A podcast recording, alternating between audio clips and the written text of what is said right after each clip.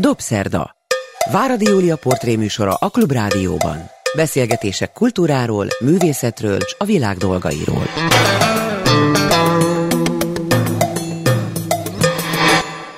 Jó estét kívánok, ez a Dobszerda, én Váradi Júlia vagyok. Jó napot kívánok azoknak, akik vasárnap délben az ismétlésben hallgatják a műsorunkat, vagy az interneten bármikor végeredményben. Törlei Kata a mai vendégem. Törlei Katát a hallgatóink szerintem mindegy szálig ismerik, és nagyon örülnek, hogyha róla is vele beszélgetünk, mert hát egy olyan képviselője a mai magyar ellenállásnak, a szabad ezt a fogalmat használom, amelyért nagyon sokan tisztelhetik és felnézhetnek rá. Sajnos úgy kell bemutatnom, hogy volt tanár, volt francia tanár, mert most már egyáltalán nem tanít, vagy pillanatnyilag, de a Roma Verzitásban tanácsadó, roma oktatási kérdésekben nagyon komolyan részt vesz a polgáralapítványban, és hát mint aktivista, mint a tanítanék mozgalom egyik létrehozója, és folyamatosan kézben tartója és életben tartója, jelen van a közéletben és a nyilvánosság előtt. Nem véletlen, hogy októberben te kaptad az Európai Polgár díjat, vagy hát közösen, ugye a tan tanítanék mozgalom. Én is jó estét kívánok mindenkinek. Nem szeretném magamnak kisajátítani. Ezt a tanítanék mozgalom kapta a sok éves munkájáért, és azt gondolom, hogy nem csak a tanítanék mozgalom elismerése ez, hanem annak a széles oktatási mozgalomnak, mindazoknak a magánembereknek, tanároknak, szülőknek, diákoknak, az elismerése, akik az elmúlt két év oktatási tiltakozásaiban szolidárisan és kockázatvállalóan részt vettek európai polgár, ez nagyon jól hangzik, és azt is gondolom, hogy ha van európai polgár, akkor például te az vagy. Én egyébként Remélem. magamat is ilyennek gondolom, és szeretném, hogyha elfogadnák mások is, hogy vannak ilyenek, hogy európai polgárok, akiknek ez a törekvésük legalábbis.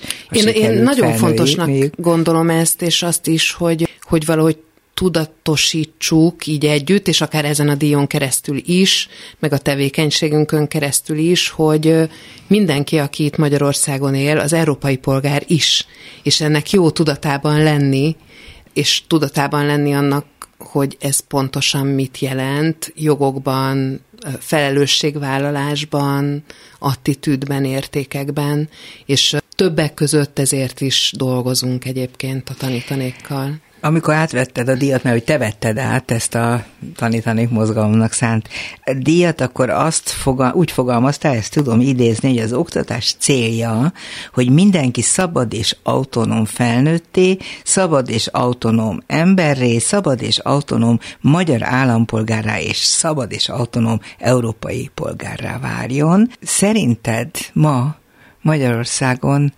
van-e arra esély, hogy a most felnövő fiatalság, azok, akik most iskolába járnak, hogy ilyen autonóm, szabad személyiségé váljanak. Esély az van.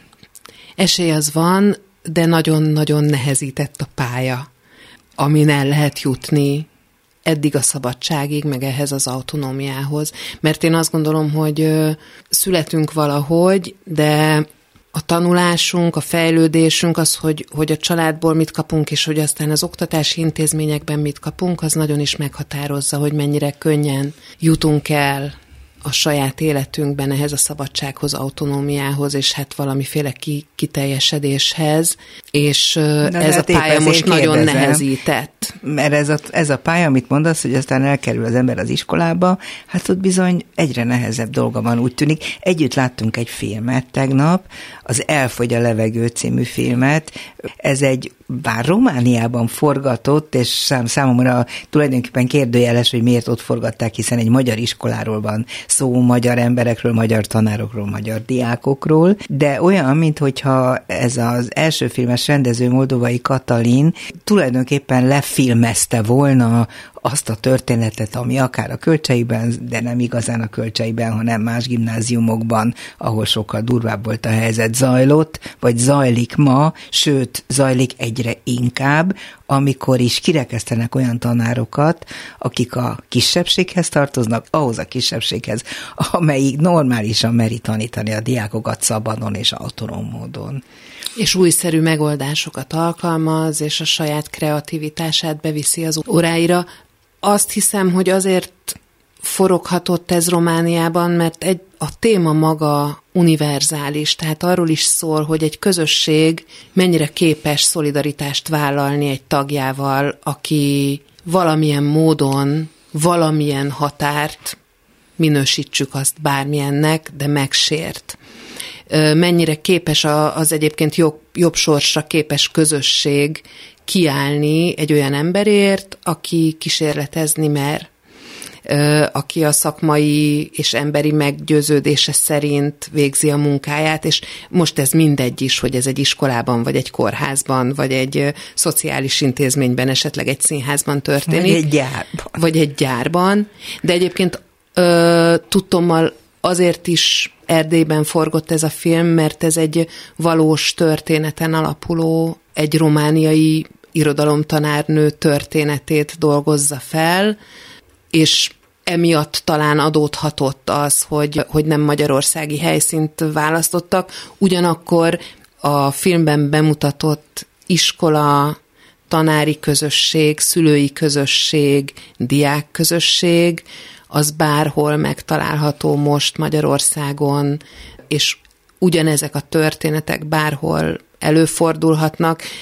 Nekem személyesen nagyon erős rezgéseket keltett ez a film, mert ugyanebbe belefuthattam volna. Mondd is el, légy szíves, hogy Verlan és Rembo indította el tulajdonképpen a botrányt. Igen, de egy, hogy egy te is francia irodalom, tanárként tanítottad Egy irodalomtanárnő a francia szimbolizmusról beszélve egy nagyon értékes filmet ajánl a tanítványainak, Ágneska Holland teljes napfogyatkozás című filmjét, és valóban, bár én francia tanár vagyok, de tanítottam francia civilizáció nevezetű tárgyat is, ahol volt irodalmi téma is, és én rendszeresen a francia szimbolizmust mutattam be, vagy dolgoztam fel a tanítványaimmal, és pont a Covid alatt, amikor kicsit másként kellett hozzányúlni a dolgokhoz, és sok-sok projektet ajánlottam nekik, akkor Verlen költészet tével kapcsolatban pontosan ugyanezt a filmet ajánlottam én is otthoni megtekintésre, és ennél a filmnél ébredtem rá arra, hogy akár én is támadhatóvá válhattam Ugyanis volna. a filmben, aki esetleg nem tudná, a két csodálatos költő, Verlen és Rembo szerelméről is szó van, nem az a fő tartalma a filmnek természetesen, de hát óhatatlanul ez szóba jön, és hát ez volt a vádpont a Igen, és hát ellen. ez a filmbéli korszakban is, és hát a mai magyar valóságban is egy, egy egészen komoly támadási felület, egy tiltott zóna, elég érthetetlen módon, és, és a, a filmet, amikor novemberben láttam, akkor ébredtem rá, hogy valójában a jelenlegi törvények szerint én is komoly határátlépést követtem el. Azzal, hogy ezt a filmet azzal, hogy ezt a filmet ajánlottam, sőt, ennek a filmnek a kapja, kapcsán kértem feldolgozást, projektmunkát a, a diákjaimtól, ami egyébként a számukra jó volt. Jól is sikerült? Jól, nagyon munkát? jól sikerült, nagyon klassz dolgokat tettek le utána az asztalra, iszonyúan büszke voltam rájuk, és egy pillanatig nem merült fel bennem, hogy, hogy valami tiltott terepre léptem volna. Most már azt hiszem, hogy a most az oktatásban vagy a közoktatásban dolgozó kollégáim bizony százszor meggondolnák, hogy, hogy egy ilyen filmet ajánljanak. Utána, a film közös megnézése után volt egy beszélgetés, amelyet egyébként azt hiszem a Tanítanék Mozgalom szervezett, és ahol jelen volt rajtad kívül még egy francia tanárnő egy gimnáziumból, jelen volt a Tanítanék Mozgalom másik nagyon fontos létrehozója, Pilc Oliver, és ott volt a az LMBTQ közösséget képviselő kutató, aki szakember, aki pedig pontosan azzal foglalkozik, hogy a másságot, a szexualitást, a felnőtté válás ilyen típusú problémáit hogyan lehet tanítani iskolákban. Tehát ő évtizedek óta ezt kutatja, egy rendkívül érdekes beszélgetés alakult ki, amelyben az hangzott el többször is,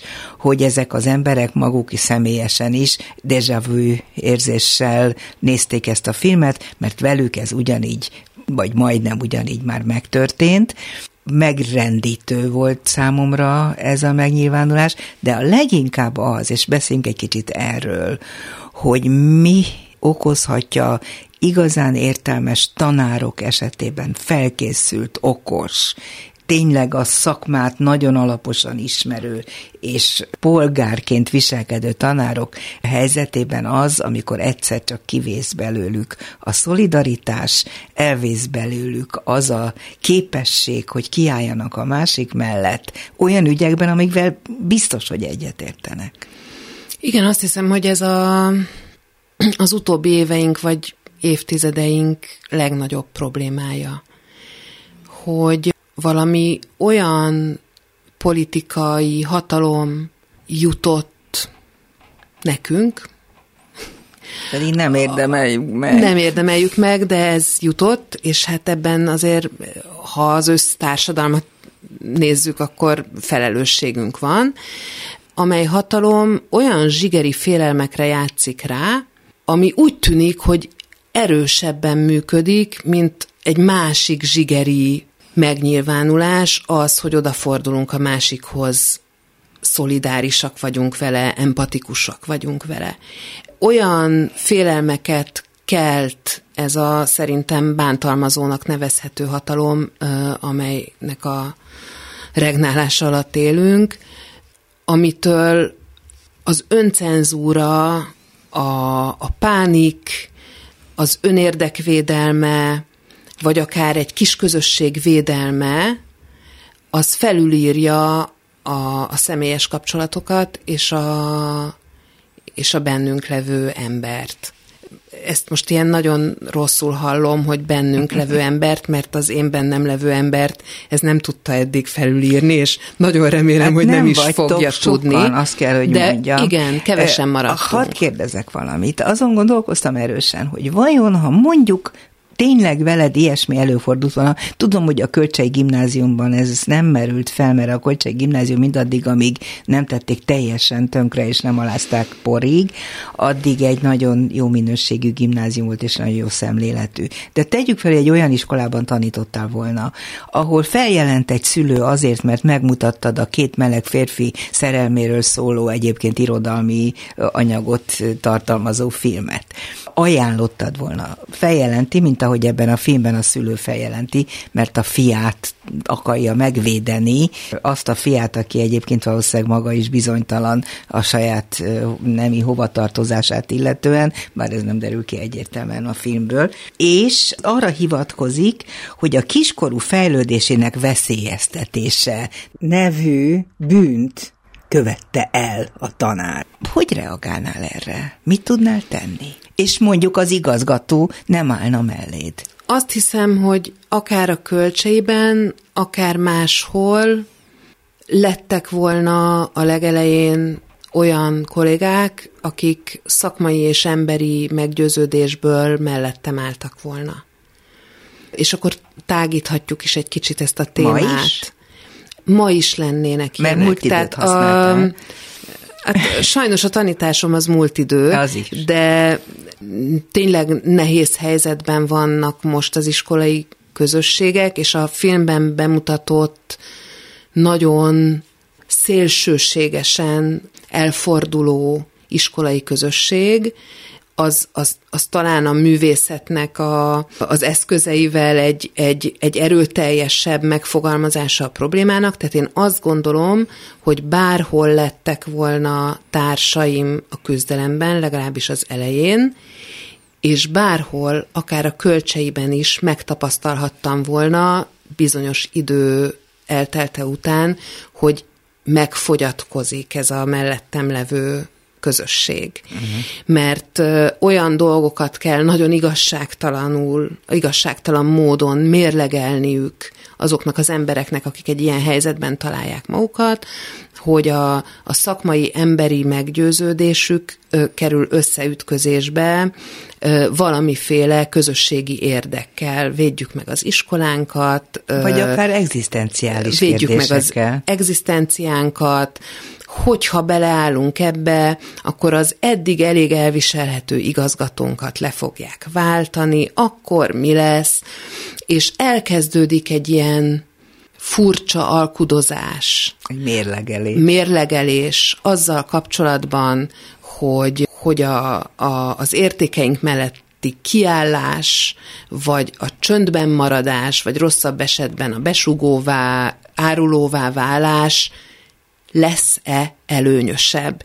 Ez egy iszonyatosan nehéz helyzet mindenkinek. Én nem szeretek nagyon elítélni senkit, aki itt ebben a labirintusban elvész, de ö, azt valószínűsítem, hogy az a közösség, aki az elején lehet, hogy pozitívan fordulna az úgynevezett határsértő pedagógus felé, az megfogyatkozna, egy-két ember maradna, és azok között meg, azok körül meg elfogyna a levegő, ahogy a filmben is mhm. elfogyott a levegő. Akkor ezt most fordítsuk egy kicsit arra, az, abba az irányba, vagy, vagy szélesítsük ki ezt a kérdéskört, mert hiszen te magad is abba a helyzetbe kerültél, hogy nagyon becsületesen nem voltál hajlandó elfogadni olyan döntéseket, és ezek már ugye felsőbb döntések voltak, nem egy szülő feljelentése, hanem a felsőbb hatalmakéi, amelyek a kiállást jelentették tulajdonképpen a tanár egzisztenciáért, az iskola miben létéért, hogy mi is ma egy iskola, hogy milyenné hát kellene tenni, és elsősorban a diákjaitokért, és hát ez egy harc volt. Ugyanígy lehetett az, hogy te akár magadra maradtál, akár csak nagyon kevesen álltak melléd, vagy éppenséggel tényleg úgy érezted, hogy van szolidaritás. Neked mik voltak a tapasztalataid? Attól a perctől kezdve, hogy azt hiszem 2016-ban alakult a tanítanék? Igen. Hogy akkor ez így létrejött. Emlékszel még erre? Hát hajaj, nagyon emlékszem.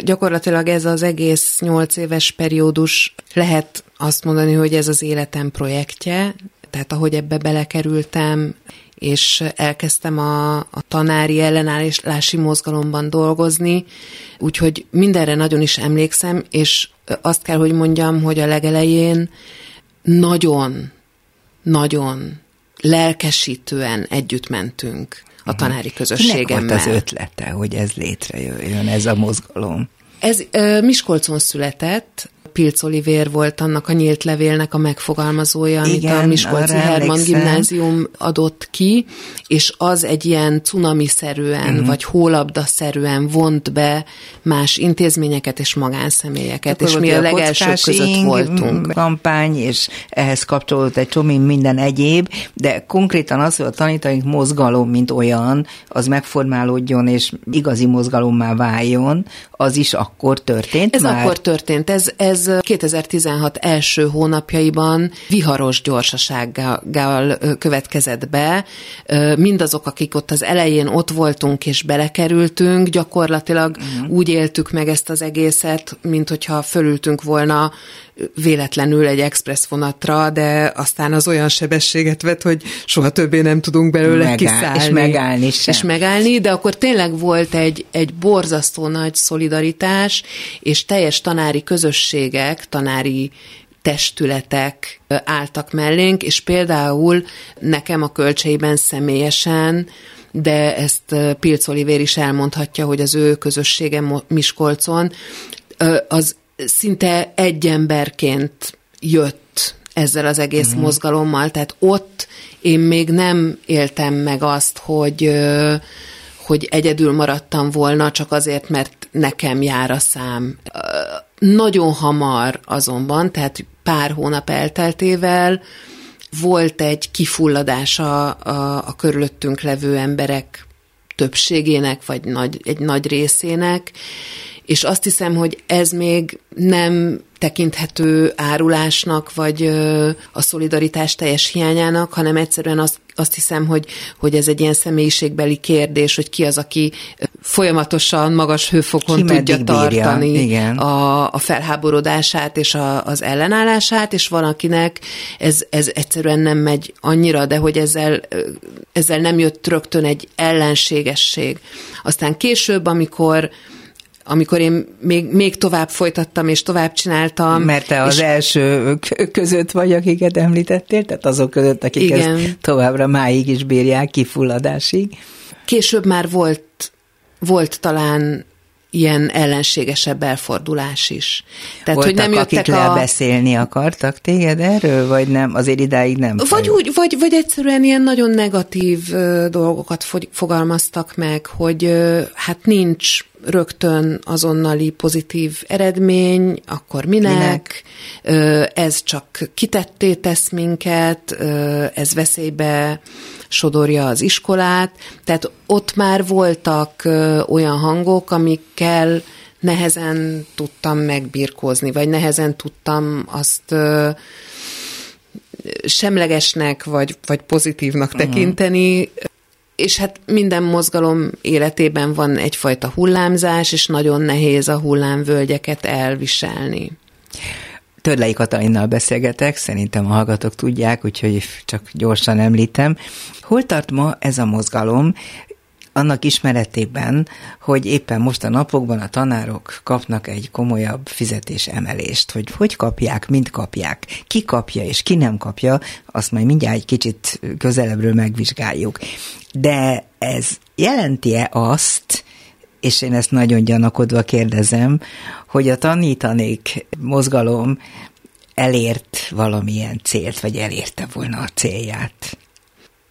Ez egy nagyon összetett kérdés. Egyrészt a tanítanék mozgalom elsődleges célja nyolc éve az nem a fizetésemelés. Igen, ezt akartam volna Hanem hallani. sokkal inkább a magyar oktatási helyzet és a közoktatás, és itt aláhúzom a közoktatás szót, tehát az, ahova mindenkinek kötelező járni, annak is, akinek nincs módja arra, hogy kimeneküljön alternatív külföldi egyházi akármilyen iskolákba, hanem a minden egyes gyereknek kötelező és nekik járó jó oktatásról szól.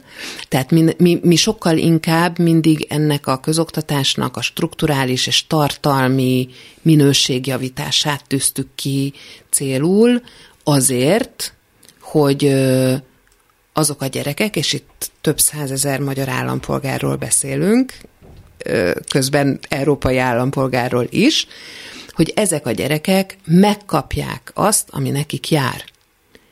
Attól függetlenül, hogy melyik település melyik utcájába születtek.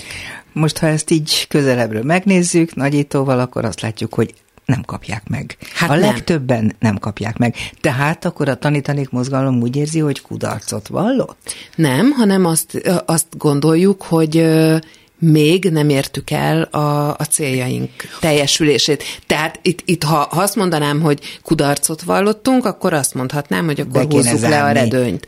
De nem húzzuk le a redőnyt, hanem megyünk tovább, és van miért tovább menni.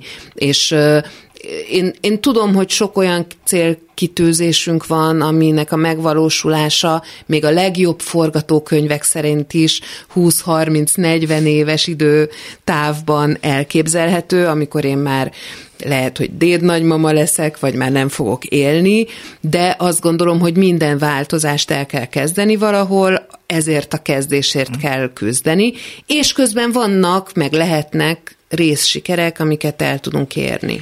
Nagy veszélynek látom, és láttam korábban is azt, ami egyébként úgy érzem, hogy be is következett, hogy a tanítanék mozgalom céljait nagyon sokan keverték, pontosan azzal, hogy a tanári fizetés egyébként tényleg gyalázatos mértékén változtassanak. És a közbeszédben sajnos el is torzult elég gyakran lehetett ezt átélni. Ennek az egész dolognak a lényege, amit te most elmondtál, nem az állt elől, hanem minden esetben a pénzre koncentráltak. Tehát akik ma a tanítanék mozgalomról hallanak, azoknak elsősorban az jut eszükbe, hogy a tanárokat nem fizetik, igaz, hogy jogtalanul keveset kapnak, hogy nem értékelik őket, és így tovább, hogy elmennek, hogy nincs tanár. Ez egy szörnyűséges helyzet, tanár nélkül nem lehet tanítani, de azt elfelejtik, azt gondolom, hogy az iskola, mint célkitűzés, az igazi iskola, hogy az a lényeg ennek az egész mozgalomnak. Nem tudom, én ezt jól látom-e, vagy eltúzzom?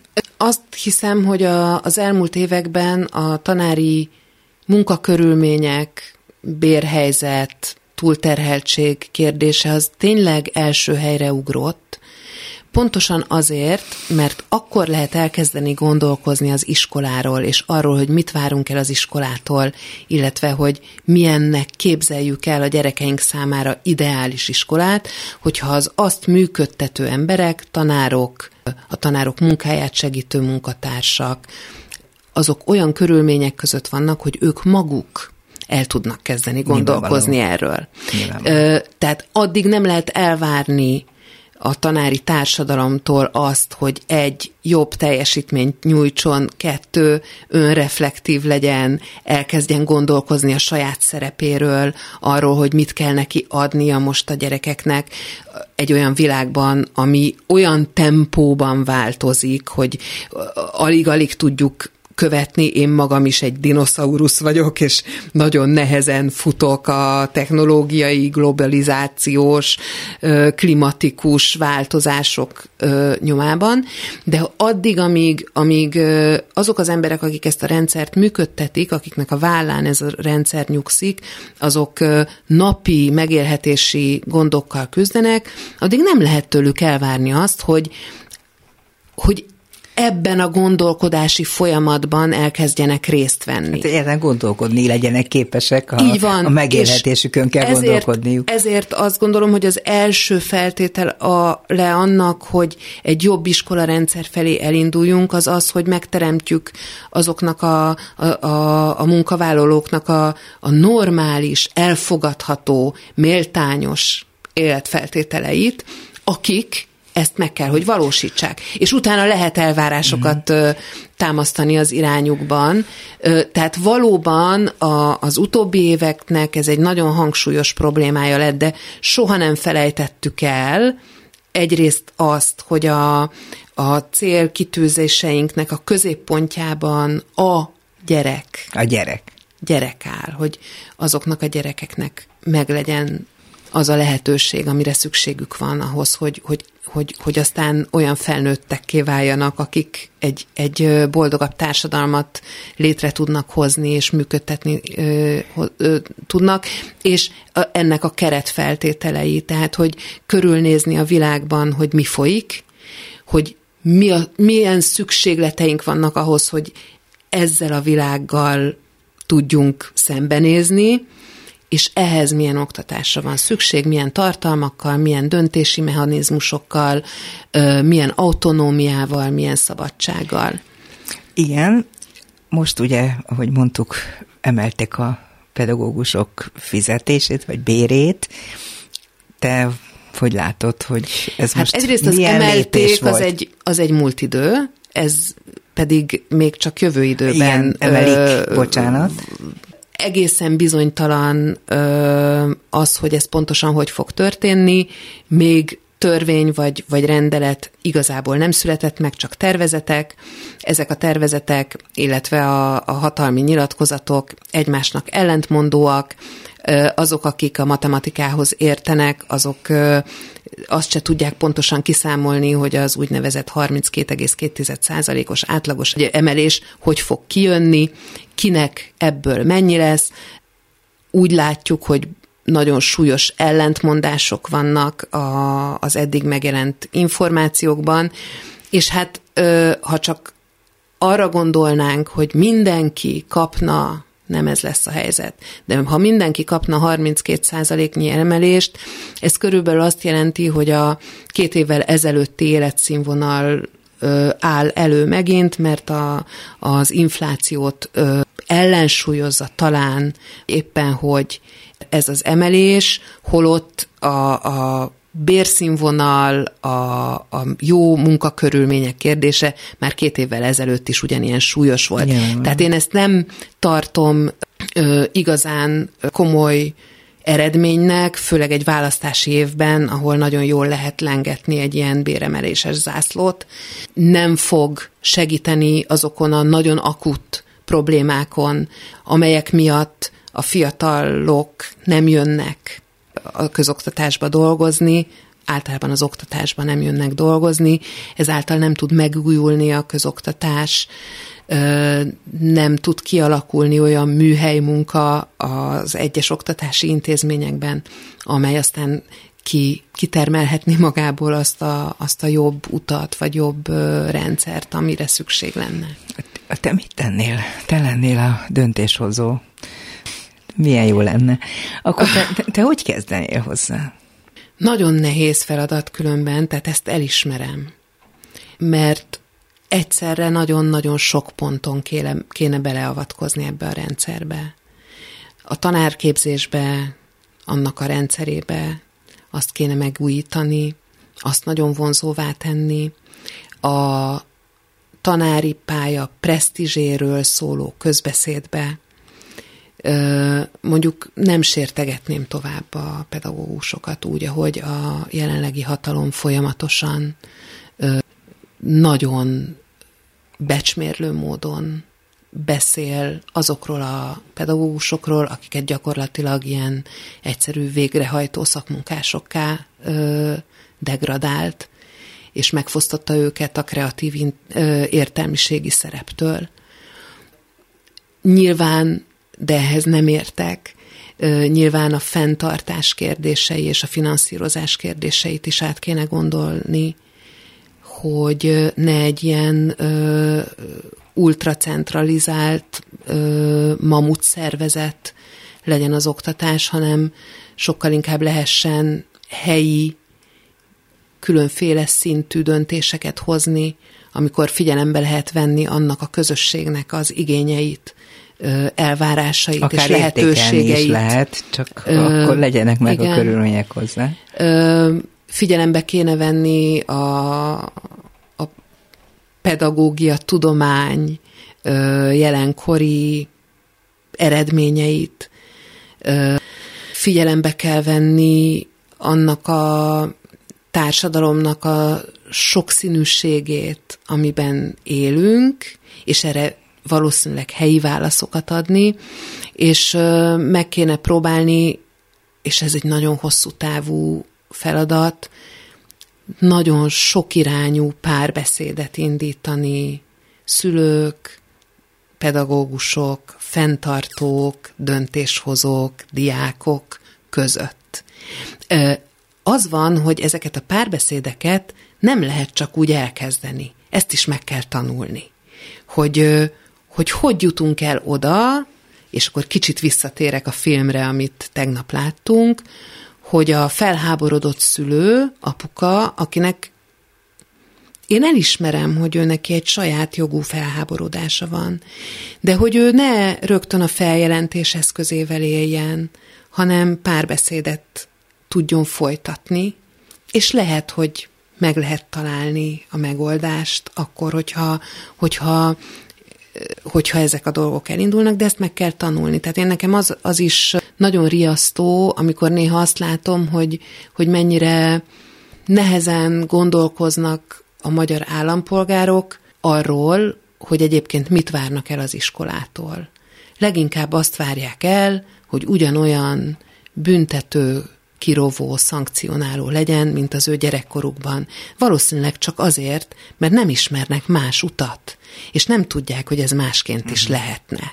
És ehhez idő kell, amíg megszületik hát, ez egész a belátás. nemzetet kéne középiskolás fokon is, meg felső iskolás fokon is tanítani arra, Igen, szóval hogy másként ez gondolkodjon egy, ez erről. egy edukációs folyamat, ami nagyon sok időbe telik, ugyanakkor meg lehetne hozni bizonyos döntéseket, amik megsegítik azokat, akik benne vannak ebben a folyamatban és az egész rendszerben, illetve nagyon erőteljes és határozott, sokszor a közvéleménynek ellentmondó politikai döntéseket kéne hozni, amik hosszú távúak. Ilyen például, ami nagyon népszerűtlen lenne, hogy megszüntetni azt a borzasztó szelektivitást, amit a 8 és 6 osztályos gimnáziumok jelentenek, megszüntetni a szabadiskola választást, vagy legalábbis korlátozni. Hm. Ezek olyan intézkedések, amitől most mindenkinek a haja égnek áll. Az biztos. És az biztos, csak ezt nagyon el kéne magyarázni, hogy ha én holnap oktatási lenne. miniszter lennék, és ezzel előállnék, akkor holnap után megbuknék. Igen. Joggal, mert hogy ezt nem lehet, a szerzett jogokat nem lehet ilyen egy tolvonással eltüntetni, ugyanakkor pontosan lehet tudni, hogy ezek hozzájárulnak ahhoz, hogy a, az esélyegyenlőtlenség nehogy, nem, hogy ne javuljon, de még romoljon is az iskola rendszer miatt. Tehát ezeket a döntéseket meg kéne hozni, és utána vállalni ennek a következményeit, és utána viszont rábízni a szakmára azt, hogy hogy tegyék a dolgukat. Ezért mondtam azt az imént, hogy itt 20, 30, 40, 50 éves projektekről beszélünk. Pici lépéseket azért el lehetne kezdeni. Oda lehetne figyelni arra, hogy maga a rendszer ne erősítse ilyen szinten a, a hátrányokat és a mhm. szakadék képződését bizonyos társadalmi csoportok között. És a diszkriminációt. És a diszkriminációt. Persze és akkor szépen lassan el lehet indulni. Nagyon sokat beszélünk a finn modellről, hogy ott mennyire sikerült nekik, mindenkinek jót hozó oktatási rendszerig. Én azt hiszem, nem vagyok benne teljesen biztos, hogy ők ezt a 60-as, 70-es években már elkezdték. Egész biztos vagyok benne Tehát egyébként. Sok a dánok is és a finnek van is benne. nagyon régóta foglalkoztak Igen. ezzel. Hát nem könnyű.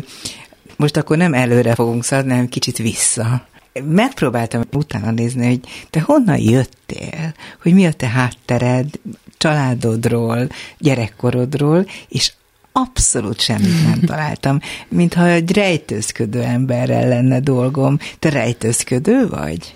Valamennyire lehet, hogy rejtőzködő vagyok, meg uh, így a közéleti tevékenységemben nem éreztem különösebb szükségét annak, hogy uh, Kitárulkoz. kitárulkozzak, de nem kifejezetten titkosak ezek a dolgok. Ezt akartam nem... kérdezni, hogy vannak-e olyan titkok, amiket rejtegetned kellene, hogy azok ne kerüljenek a nyilvánosság elé, vagy pedig egyszer nem szeretsz beszélni saját magadról? Valahogy nem adódott, hogy, hogy erről különösebben, vagy túl sok helyen beszéljek, de... Kérdezhetlek? Igen.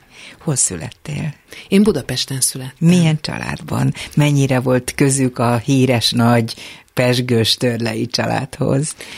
Egy nagyon különös családban születtem. Az apukám egyenesági, vagy hát majdnem egyenesági leszármazottja a pesgős törleieknek, és ilyen alapon ő eléggé meg is szenvedte a a háború után a, a kommunizmusnak a, az időszakát, tehát ők... Ezért bántották a neve miatt? Abszolút, tehát hogy ő például alig került be gimnáziumba, mert, mert az ország összes gimnáziumban ki volt tiltva, és végül is aztán... De emiatt? Emiatt. Hogy, hogy úgy hívják, igen, hogy törlei Hogy úgy hívják. Hát ez a, ez a család volt. És nem merült fel, hogy nevet változtasson?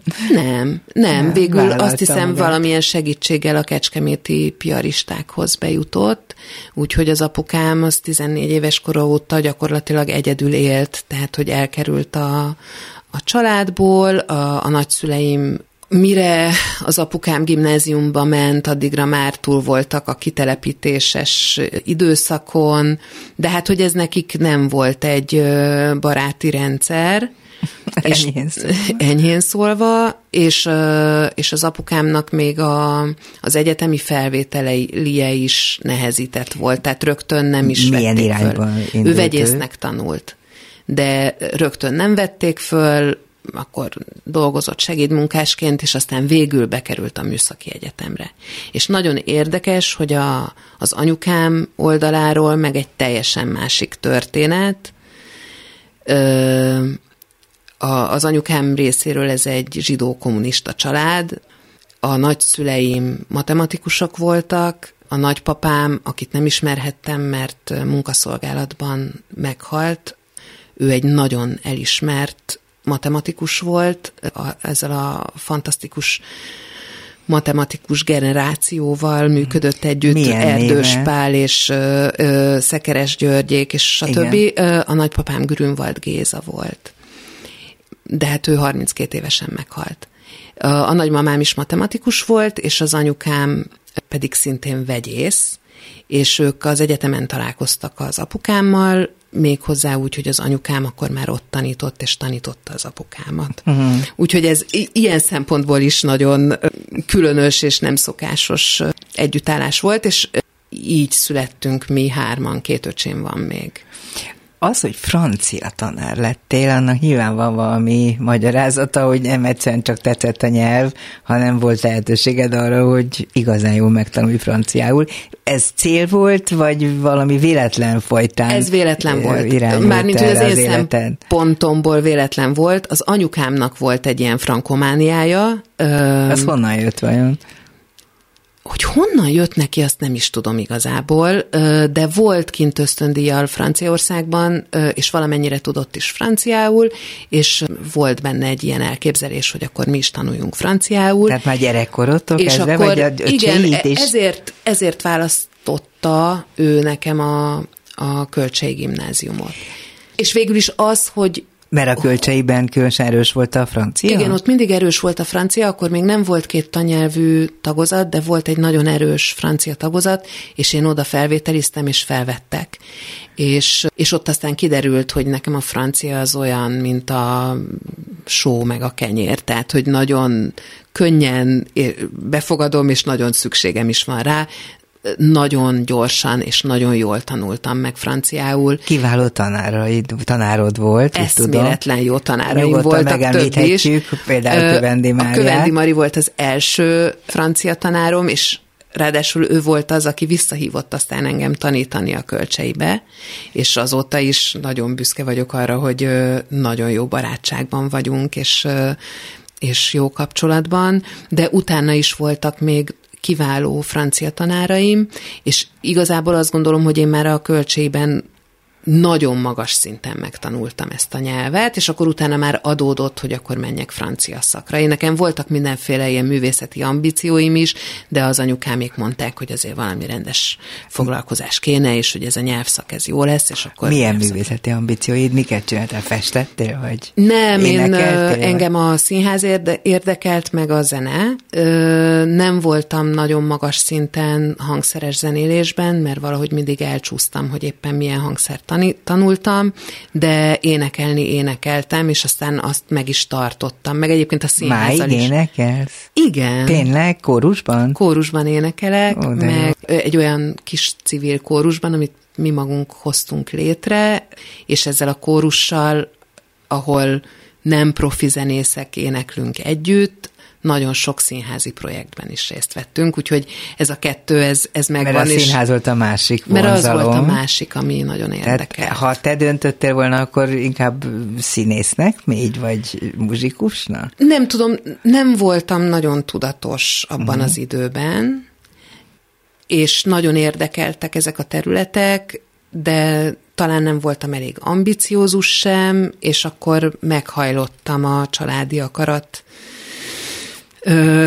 előtt, és egyébként nem bánom meg, mert jó, jó, jó volt ez így is, de ö, aztán később visszahoztam a, az éneklést is, meg a színházat is a, az életembe, és ez azért mostanra ö, olyan tevékenységé vált, ami így életben tart. Muszáj megkérdezem, hogy te milyen tanárnak gondolod magad, milyen tanár voltál. Biztos vagyok benne, hogy jó tanár, hogy így megismertelek és figyellek. Nem tudom elképzelni, ne lettél volna az, de lehetséges, hogy voltak olyanok, akik ezt nem így látták. Én véletlenül lettem tanár is, tehát én nem akartam tanár lenni, én nem is úgy kezdtem az egyetem után, én tolmácsoltam, meg fordítottam, és aztán a, a már említett volt francia tanárnőm, a Kövendi Mari hívott vissza egy gyesen lévő kolléganő helyére, és akkor gondoltam, hogy miért ne próbálnám meg.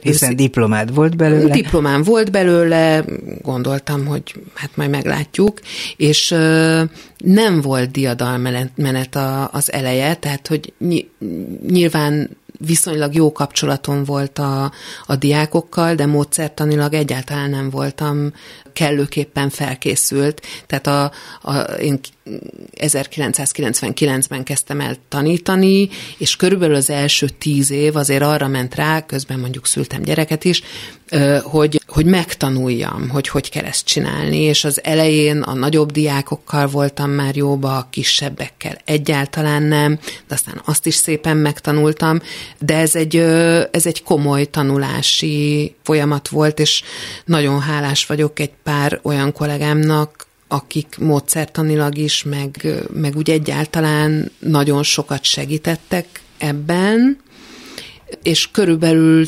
tíz év után éreztem már azt, hogy, hogy képes vagyok tényleg jót és jól csinálni a, a tanítványaimmal. És akkor jött a koppanás, és úgy belegondolok, hogy milyen lehet az, amikor az ember, ahogy ebben a filmben is, ott áll a tanári szobában ennyi év után, hány évet tanított? 23. 23 év után, és rakodja a dobozba ott maradt könyveit, és órarendjeit, és leveleket, amiket a diákoktól kapott, és így tovább, és utána bezárja maga mögött az ajtót, és többé nem francia tanár. Ezt azért borzasztó lehetett átélni. Ez nagyon nehéz volt. Igazából nem a francia tanárságtól volt nehéz elválni, mert sosem az volt a legfontosabb, tehát nem az volt a fontos, hogy hogy hogy tanítok meg egy-egy nyelvtani jelenséget, vagy, vagy egy civilizációs ismeretet, bár abban is nagyon sokat fejlődtem, és, és azt tudom most mondani, hogy voltak nagyon jó dolgok, amiket kitaláltam, és amik működtek, és, és sok gyereket tudtam eljuttatni A-ból B-be, vagy B-ből C-be, vagy akár D-ig, hmm. hanem nekem az, az volt nagyon fontos ebben az egész időszakban, hogy, hogy ezzel a korosztályjal találkozhatom, és együtt élhetek velük, és a 14 évesen bejövő, hát meglehetősen kajla gyerekekből a 20-21 éves ifjú, majdnem felnőtt felnőttekig végig tudom őket kísérni,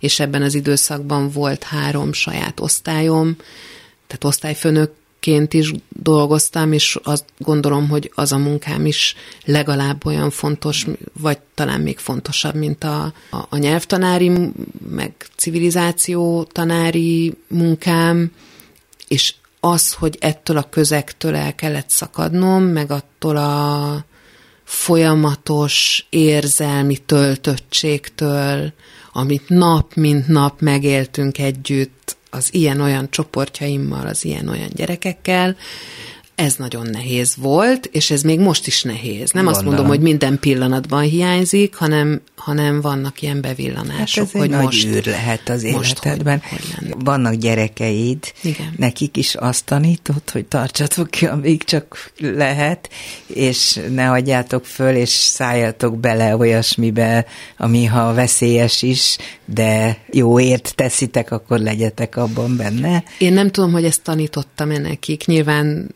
fölmutattam nekik egy mintát. Felnőttek már Ö, ők, ők is. felnőttek mind a ketten. Azt remélem, hogy, hogy igen, ezt, ezt, ez a mintakövetés, ez, ez működik. Tehát én sosem mondtam nekik, hogy így kell csinálni, jönnek. vagy úgy kell csinálni, de valahogy mégis azt nem látom, hogy ahogy soha, ők... hogy mama, ezt ne csináld, mert bele fogsz rokkanni, vagy téged fognak kicsinálni, vagy nekünk rossz.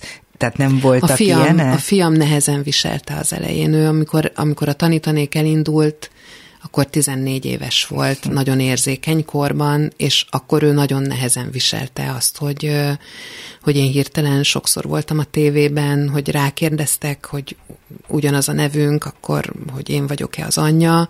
Az az elején neki nagyon nehéz volt, és nekem nagyon súlyos lelkismeretfordulásokat okozott, de azt hiszem, hogy most már ő is túl van ezen, és én is kezdek megnyugodni, hogy talán nem helyrehozhatatlan károkat okoztam neki, A lányom, ő, ő már nagyobb volt akkor is, tehát hogy ő 19 éves volt akkor, amikor én belekerültem a közéletbe, másként fogta már ezeket, a, ezeket az ügyeket, és hát az életem egyik legnagyobb büszkesége, hogy tavaly március 15-én a lányommal együtt tudtam egy színpadon tüntetési beszédet mondani, és valahogy úgy érzem, hogy az az életem beszéde volt, érzelmileg is, meg tartalmában is, és talán hatásában is, és ez nagyon-nagyon jól esett, és mostanra azt érzem, hogy mind a ketten támogatnak, és ahogy ők élik az életüket, meg amiket csinálnak,